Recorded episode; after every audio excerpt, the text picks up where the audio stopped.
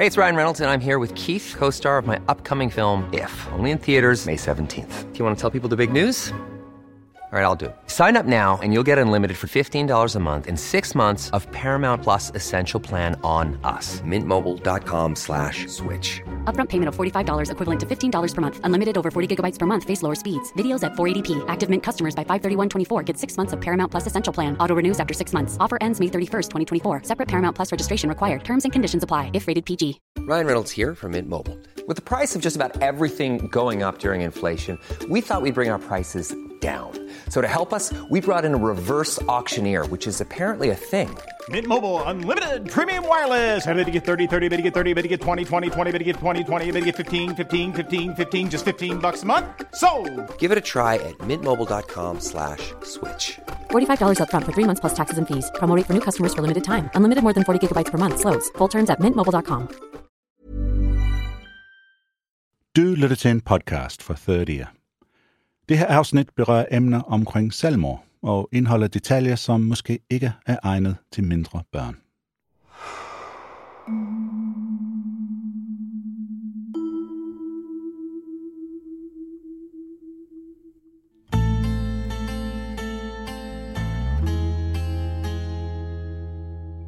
Det her er tredje afsnit i mysteriet om cyanidmanden. Sagen er allerede begyndt at sætte gang i nogen af jer derude. Vi har fået en del henvendelser. Mest teorier og sammenligninger med andre sager. Vi skal nok kigge nærmere på dem i kommende afsnit. Så bliv endelig ved med at dele historien med alle, som du tænker kun ved noget som helst. Vi afsluttede sidste gang med en efterlysning i en avis med overskriften på engelsk Have you ever seen this man before? Og i dette afsnit finder vi ud af, hvem der står bag den efterlysning. Men lige nu er Koster stadig i gang med at prøve at forstå eller kortlægge de beviser, som står sort på hvidt i politirapporterne. Sidste gang fik vi hjælp fra patologen Hans Peter Haugen, som etablerede tre vigtige ting. Ud fra det her, hvis du skulle komme med et bud på, hvad der var sket, hvad vil du så sige?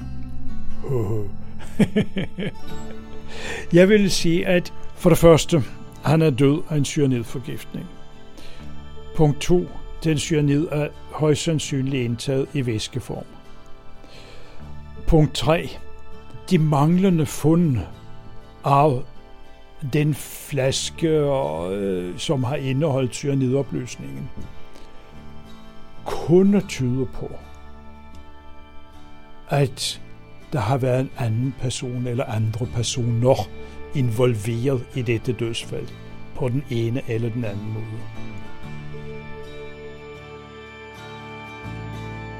Nu går Krista i detektiv-mode med nogle next level og meget ukonventionelle metoder. Det er nat, og han er tilbage i Søndermarken.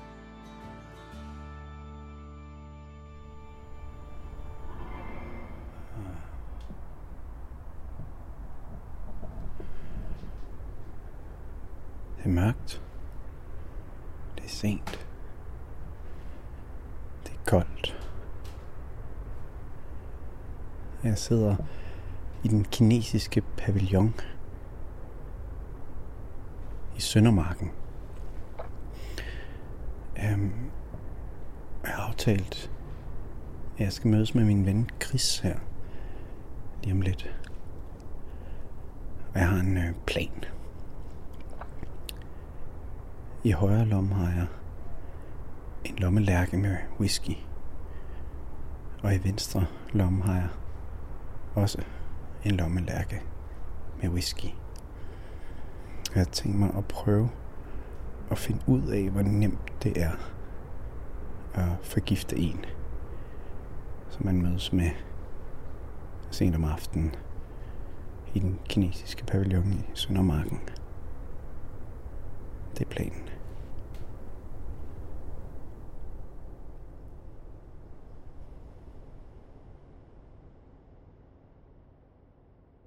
Krista, Mm. må jeg lige spørge dig, hvad har du gang i her? Jeg er i gang med at få, forgifte min ven Chris. Din ven Chris. Ja. Hvorfor det?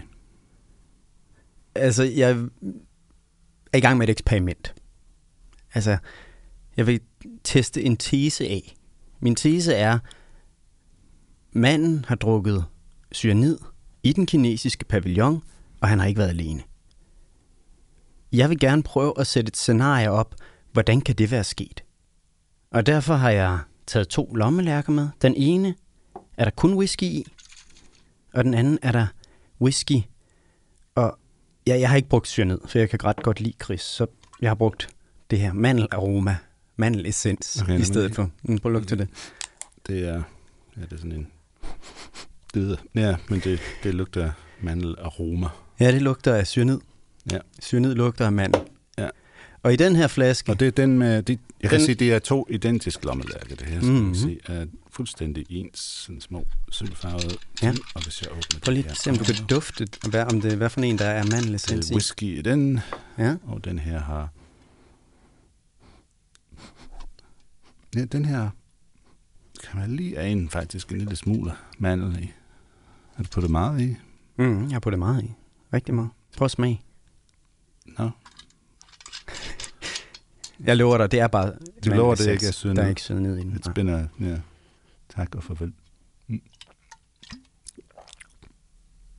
Ja, det smager bare whisky. Gør det det? Okay. Ja.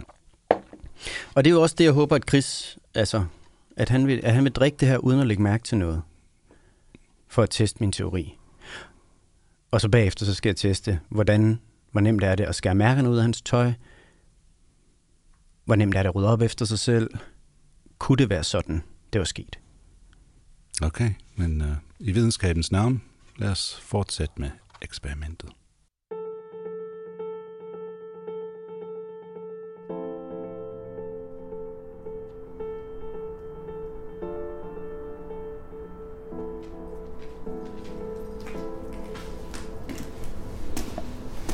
Goddag, Jeg er Chris. ikke tvivl, hvor man... Øh... Var det en rigtig pavillon, jeg tog? Du er her. Det er godt. Hej, Chris. Hej, Wolfsen. Vil du ikke sætte dig ned herovre? Jo, jo, det vil jeg gerne. Hvis jeg må lade en af dine cigaretter. Det må du i hvert fald. Der er cigaretter. Fedt. Vil du have et glas whisky? Det vil jeg til gengæld rigtig gerne. Første gang vi drikker whisky, der hælder jeg op af den samme flaske til os begge to. Skål.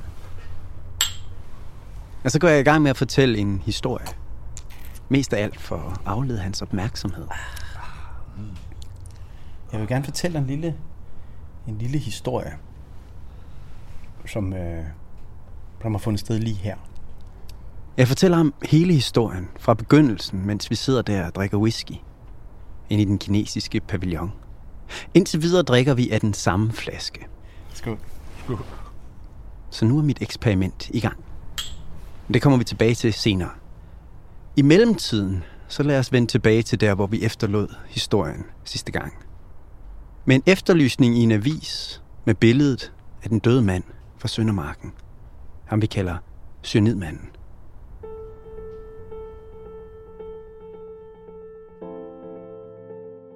Vi er midt i marts 1973.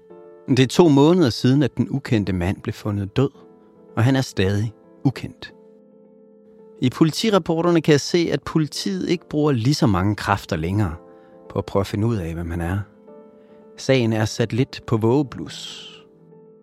Men så en dag melder chefredaktør Mogens Lensdal sig på banen. Chefredaktør Mogens Lensdal, Copenhagen Shipping Times, blev dags dato opsøgt. Han er fra en avis, der hedder The Copenhagen Shipping Times. Og det sætter gang i sagen igen. Lensdal blev forvist fotos af afdøde, og mente herefter at være sikker på, at han havde været sammen med afdøde til en reception i DDR's trafikrepræsentation for cirka et år siden. Mogens Lensdal er redaktør på en avis, der handler om shippingbranchen og om livet til søs. Den udkommer på engelsk i hele verden. Og som redaktør på den avis kommer Mogens Lensdal til receptioner på ambassader rundt omkring i København. For eksempel på DDR's, altså den østtyske ambassade. Og det er her, han har set den døde mand fra Søndermarken, mens han var i live, siger han. Han var villig til at bese afdøde på Retsmedicinsk Institut om nødvendigt. Mogens Lensdal ved ikke rigtig noget om manden, han mødte på ambassaden. Men han talte ikke med ham. Han så ham bare som et ansigt i mængden. Alligevel er han overbevist om, at manden er blevet myrdet. Lensdal var overbevist om, at der var tale om en politisk likvidation. Han kunne dog ikke nærmere begrunde, hvorfor han mente dette. En politisk likvidering, kalder han det. Men på det her tidspunkt er han altså ikke klar til at fortælle politiet, hvorfor han er overbevist om det. Men der er en anden måde, Mogens Lensdal måske godt kunne hjælpe politiet med at finde ud af, hvem manden var, siger han.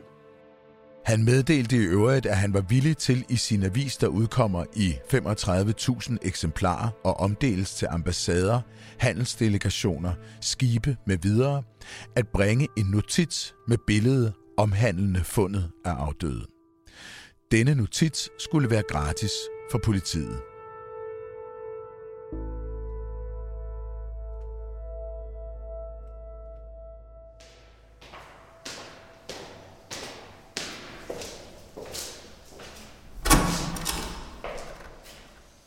Sådan går det til, at Mogens Lensdal en dag i marts 1973 får adgang til kælderen under Retsmedicinsk Institut sammen med en fotograf. Goddag, goddag. Mogens Lensdal her fra Copenhagen Shipping Times. Vi skal lige sætte op til nogle fotografier her. De ruller den ukendte døde mand ud af køleboksen, for at Lensdal kan tage billeder af ham. Tak, tak skal de have. Godt. Øhm, vi skal have nogle gode billeder af hans ansigt. Vi skal have det til at se så livagtigt ud som muligt. Chefredaktør Mogens Lensdal har gårs dato haft fotograf med på Retsmedicinsk Institut, hvor han har affotograferet afdøde og afdødes tænder og hænder. Og nogle billeder af hans tænder. Det er Lensdals hensigt at rekonstruere et livagtigt billede af afdøde og udsende det i sin avis Copenhagen Shipping Times. Jamen, så vil jeg sige tak for i dag, og undskyld, vi forstyrrede. Det er de billeder af den døde mand, der bliver klippet sammen til det, der skulle være en livagtig gengivelse af ham. Et billede, der ikke kun kommer ud i Mogens Lensdals egen avis. Slet ikke. Chefredaktør Mogens Lensdal har dags dato fremsendt reduceret foto af afdøde, samt udkast til avisartikel, han vil fremsende til udenlandske aviser og ambassader. Mogens Lensdal har ligeledes forvist udkast til en plakat, der vil blive opsat på plakatsøjler og på jernbanestationer her i byen. Plakaten vil blive trykt med engelsk tekst. Desuden ville han muligvis kunne sende billedet ud over Associated Press Net.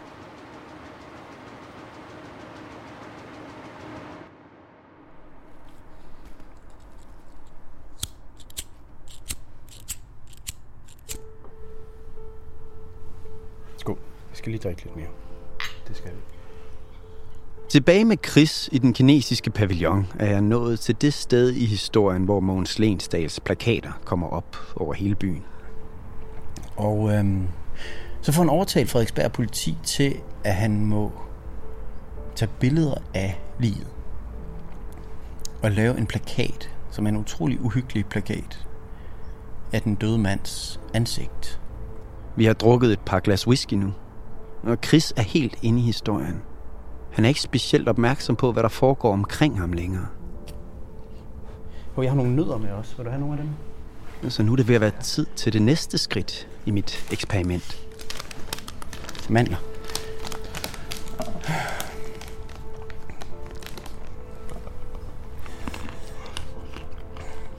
Først mandler til at sløre smagen og lugten af cyanid. Den ubestemmelige lugt. Det skulle vel aldrig være bittermandel. Og så er det tid til at forgifte min kære gamle intetanende ven Chris med cyanid. Eller i hvert fald med mandelessens. sådan en mave. Kan skal jeg ikke... Øh, du er ligesom lidt... Øh... Nej, nej, lad mig gøre det, lad mig gøre det. Jeg hælder et glas whisky op til mig selv fra flasken i min venstre lomme. Jeg stikker flasken tilbage i lommen. Og jeg lader som om jeg ikke hører Chris, da han beder mig om at få fyldt sit glas også. Jeg tager også lige... Vil du have noget? Ja. Undskyld. Nej, det skal du ikke... Øh... Da jeg hiver flasken op igen, er det den anden flaske. Altså den fra højre lomme, jeg hiver op. Så fint. Skål. Vi drikker. Jeg skæler til Chris. Han lader sig ikke mærke med noget overhovedet. Nu burde der ikke gå mere end 5-10 minutter, før han ligger død på gulvet i den kinesiske pavillon. I mellemtiden skal vi tilbage til historien om chefredaktør Mogens Lensdal og hans plakater og aviskampagne for at finde ud af, hvad manden er.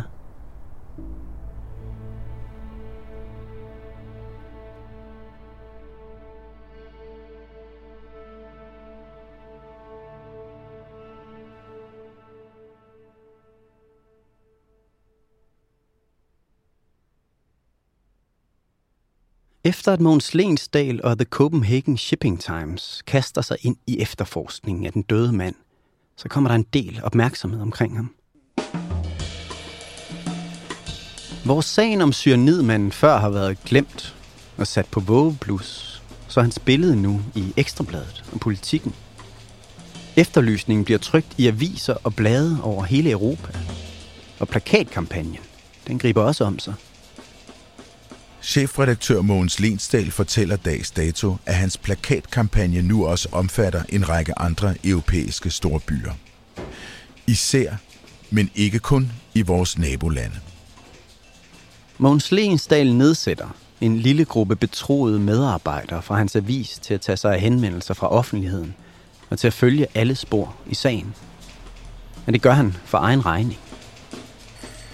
En privat lille efterforskningsgruppe, kunne man kalde dem.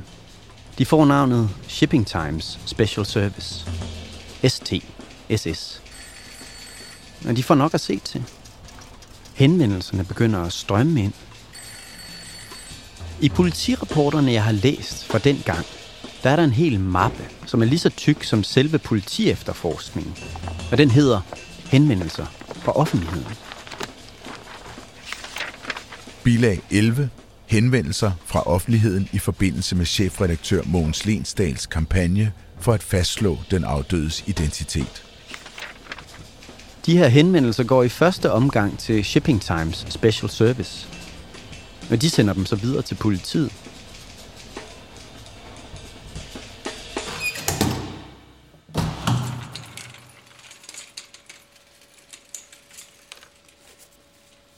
Til at starte med ligner det her faktisk en ret stor hjælp for Frederiksbergs ordenspoliti. Indtil nu har de ikke rigtig kunne sige noget om, hvornår manden er død.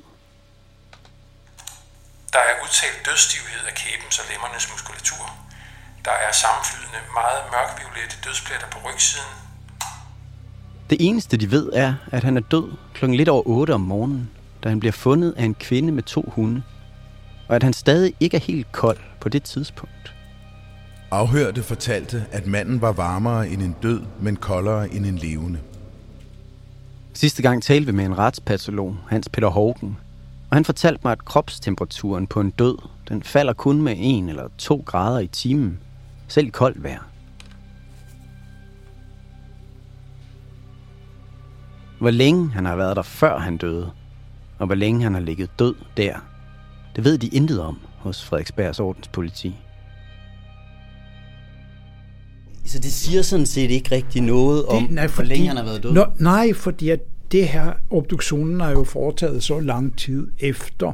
Så jeg vil sige, med hensyn til dødstidspunkter, det forbliver sådan et spørgsmålstegn.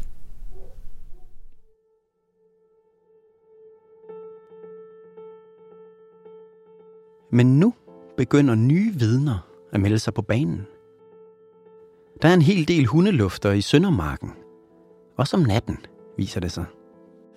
Han forklarede, at han den 16. i 1. 73 gik tur i Søndermarken mellem 0200 og 0245. Begge tidspunkter er omtrentlige. Han går hver aften tur med sin cheferhund, der er trænet til hjemmeværnsbrug. Og han er helt sikker på, at både han og hunden ville bemærke afdøde, hvis han havde ligget der på dette tidspunkt. I midlertid bemærkede han intet usædvanligt. Afhørte mente ikke, at det sneede kl. 2.30, men var dog ikke sikker på dette. Hjemmevandsmanden i rapporten her siger, at han ikke mindes, at det sner kl. 02.30 den nat i Søndermarken. Så nu vil politiet gerne finde ud af, hvornår det begynder at sne den nat. Ved henvendelse til den kongelige veterinære Landbohøjskole blev det oplyst, at der den 16. januar var registreret snefald ca. 0,8 cm mellem kl. 05.00 og 08.00. Så det begynder altså at sne klokken cirka 5 den morgen. Der var tydelige aftegninger, hvor afdøde havde ligget. Der var tørt, hvor afdøde havde ligget, og der var ingen tegn på, at sne var smeltet under ham. Der er ikke sne under ham, og der er heller ikke vådt under ham. Så sneen må altså være faldet oven på ham, eller nærmere fødet ind under halvtaget i pavillonen oven på manden. Det vil altså sige, at manden må have ligget der allerede, da det begynder at sne klokken 5 den morgen.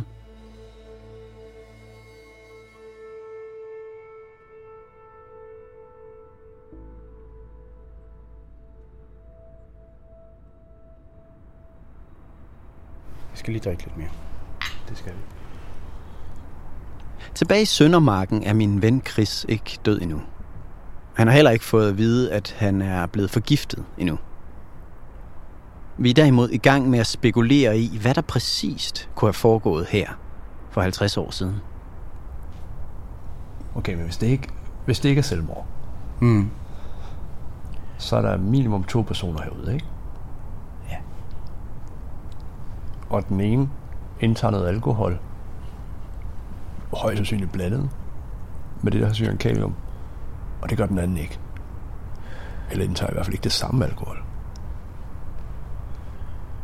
Mm-mm.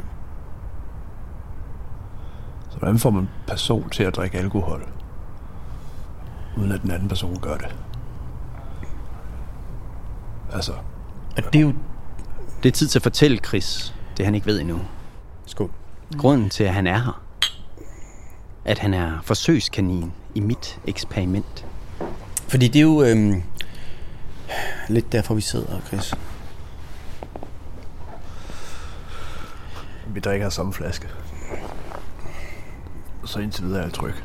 Nej, vi gør ikke. Der er to flasker.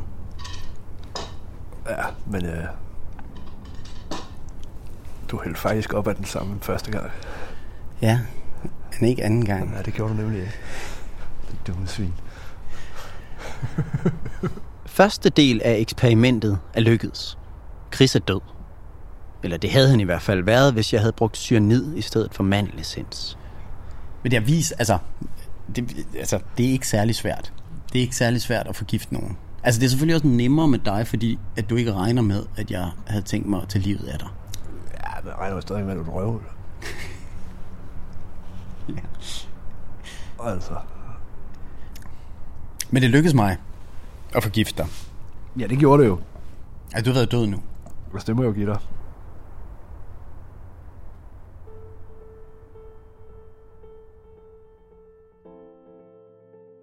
Så nu er det tid til eksperimentets anden fase. Og det er her, Anna Tavlov fra Third Ear kommer ud af mørket. Et sted tæt ved den kinesiske pavillon. Anna Tavlov.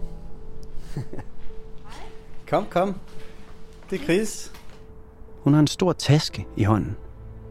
Det her er planlagt ned til mindste detalje. Okay.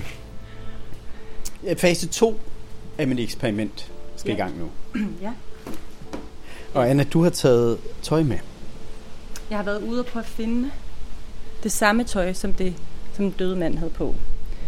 Øhm, Den dødfundne er iført cremefarvet cotton coat størrelse 48, en blå blazer, hvid rib-rib strikket rullekravsvætter ud over den her rullekrav, så har han haft en, øh, en pæn blæser, sort blæser på. Han har været pænt klædt på. Okay, så det skal vi have Chris i nu. Så det skal Chris simpelthen have på. Ja. Anna har også taget de ting med, som manden havde i lommerne, da han blev fundet. I jakkelomme fandtes en tændstikæske mærket lysglimt med to ubrugte tændstikker. En tom cigaretpakning mærket Players 20 styks. En papirpose mærket Liberty chokolade. En tom mørkebrun tegnebog med fem rum. Og så er det lidt mærkeligt, fordi i tegnebogen, der er der slet ikke noget. Der er ikke et eneste kort eller ID på ham.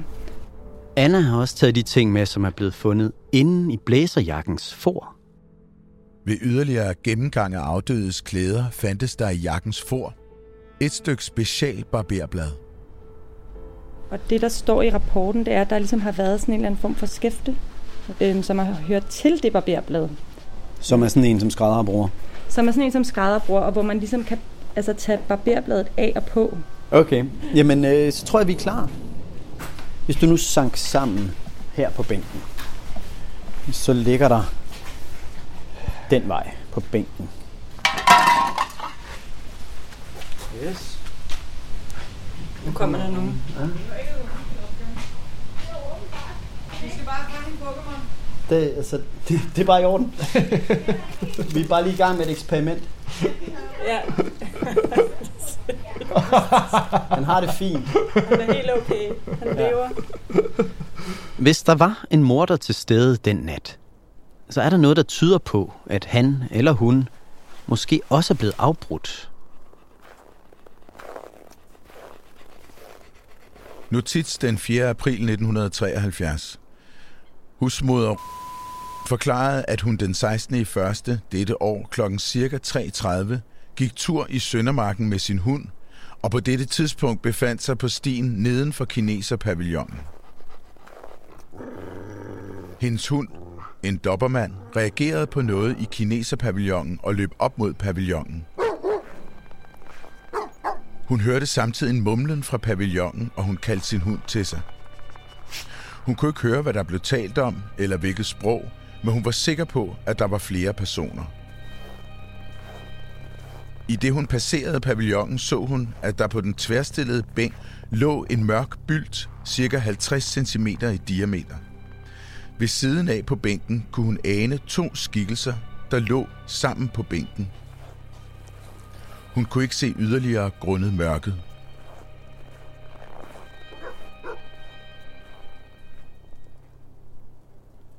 Tilbage til Chris og Anna og mig i nutid. Men tilbage til den teori, jeg gerne vil have testet om, hvad der skete her i Søndermarken dengang. Hvad det var, damen med dobbermanden fik et glimt af i mørket den nat. Anna er gået ned på det, de kalder kineserstien i politirapporten, der hvor kvinden med dobbermanden kom gående den nat. Og da jeg hører hende, der lægger jeg mig ned oven på Chris, der ligger død på bænken i pavillonen. Så det, jeg kan se her fra kineserstien, det er ligesom silhuetterne af to personer, der ligger og rumsterer med hinanden.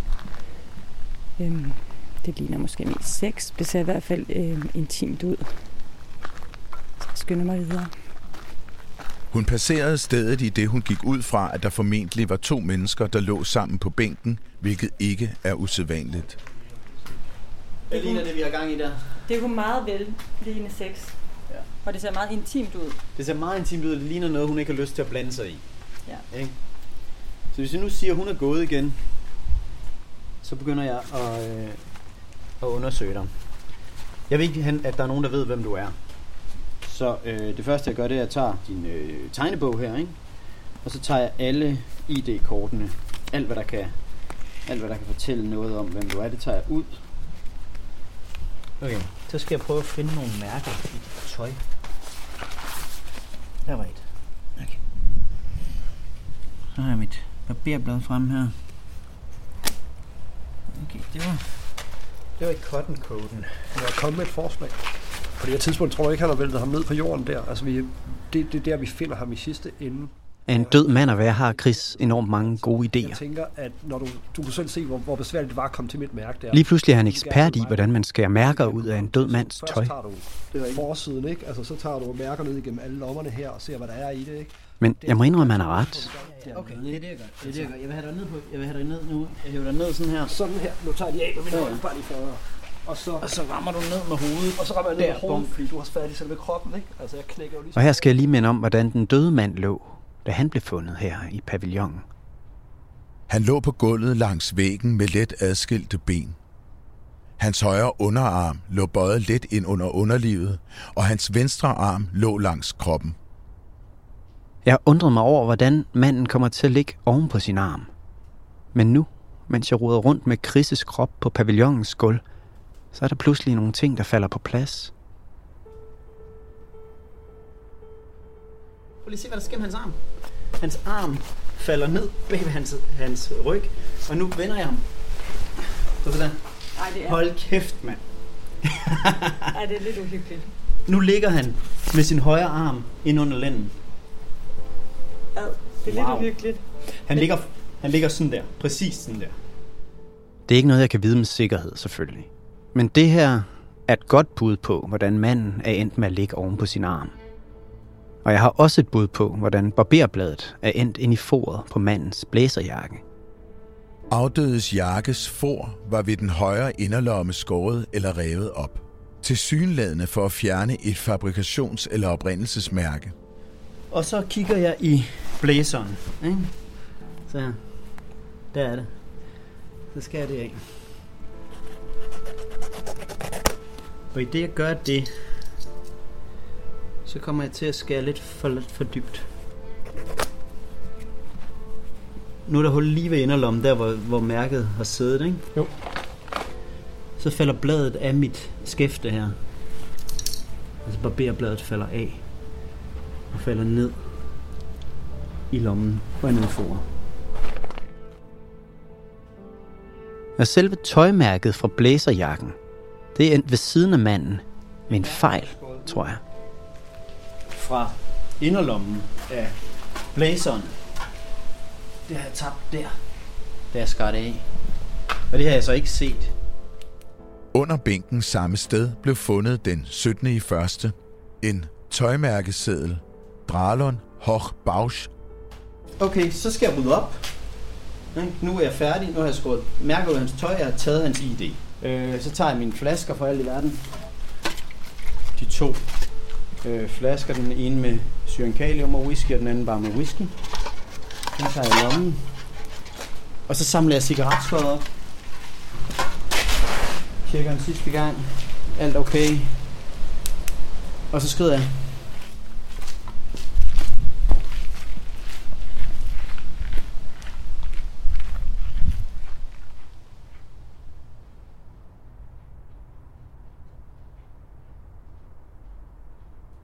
Koster, nu er dit eksperiment færdigt. Mm. Du har fået dine resultater.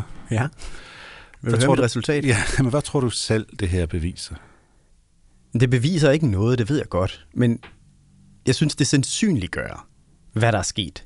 Hvad der kan være sket den nat i Søndermarken. Jeg synes, det forklarer nogle store spørgsmål, som jeg har haft. Nogle problemer, jeg har haft. Hvordan ender hans arm bag hans ryg? Hvordan ender mærket, tøjmærket ved siden af ham? Hvorfor er der ikke nogen flaske i nærheden af ham? Hvorfor er der et øh, blad fra en, et barberblad inde i hans jakkes for? Så, så, Så det er for at sandsynliggøre, hvad kan der være sket? Hvordan, hvordan kan de her brikker passe sammen i det her puslespil? Det, det, det er bare det, eksperimentet er gået ud på. Men det kan bevise, at det, det er sådan, det kunne have været sket, men det, det har haft næsten, desværre, intet at gøre med, hvem man er, eller var, eller hvem det er, det vil gerne slå ham ihjel, og selvfølgelig, hvorfor. Det er ingen motiv, det er ingen, ingenting i forhold til det. Det er bare en mulig scenarie om, hvordan det kunne have sket. Et sandsynligt scenarie om, hvordan det kan være sket, synes jeg. Og så kan vi komme til de der spørgsmål næste gang. Hvem var han? Hvem har slået ham ihjel? Hvorfor? Næste gang i Cyanidmanden.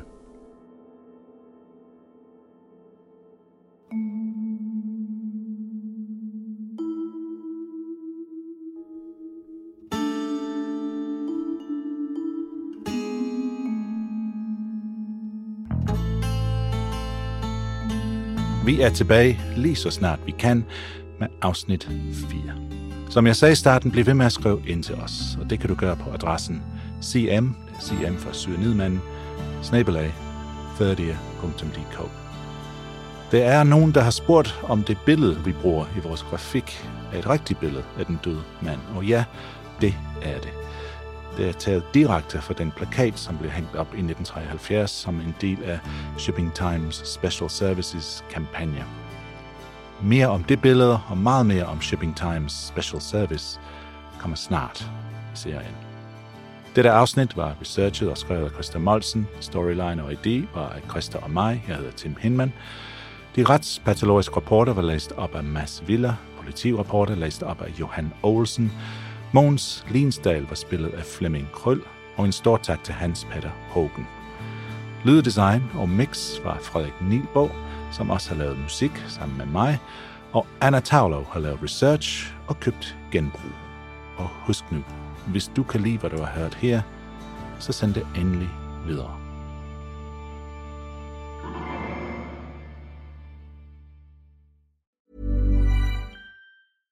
Hey, it's Paige DeSorbo from Giggly Squad. High quality fashion without the price tag. Say hello to Quince. I'm snagging high-end essentials like cozy cashmere sweaters, sleek leather jackets, fine jewelry, and so much more. With Quince being 50 to 80% less than similar brands. And they partner with factories that prioritize safe, ethical, and responsible manufacturing. I love that. Luxury quality within reach. Go to quince.com slash style to get free shipping and 365-day returns on your next order. quince.com slash style. Want truly hydrated skin? Meet Osea's Body Care Breakthrough Hyaluronic Body Serum. It's clinically proven to increase hydration by 161%. It's lightweight, fast absorbing, and delivers 24 hours of hydration for silky smooth skin without any sticky afterfeel. Treat your skin to clean vegan skincare from Osea. Get 10% off your first order with code SUMMER at OseaMalibu.com. That's O S E A Malibu.com code SUMMER.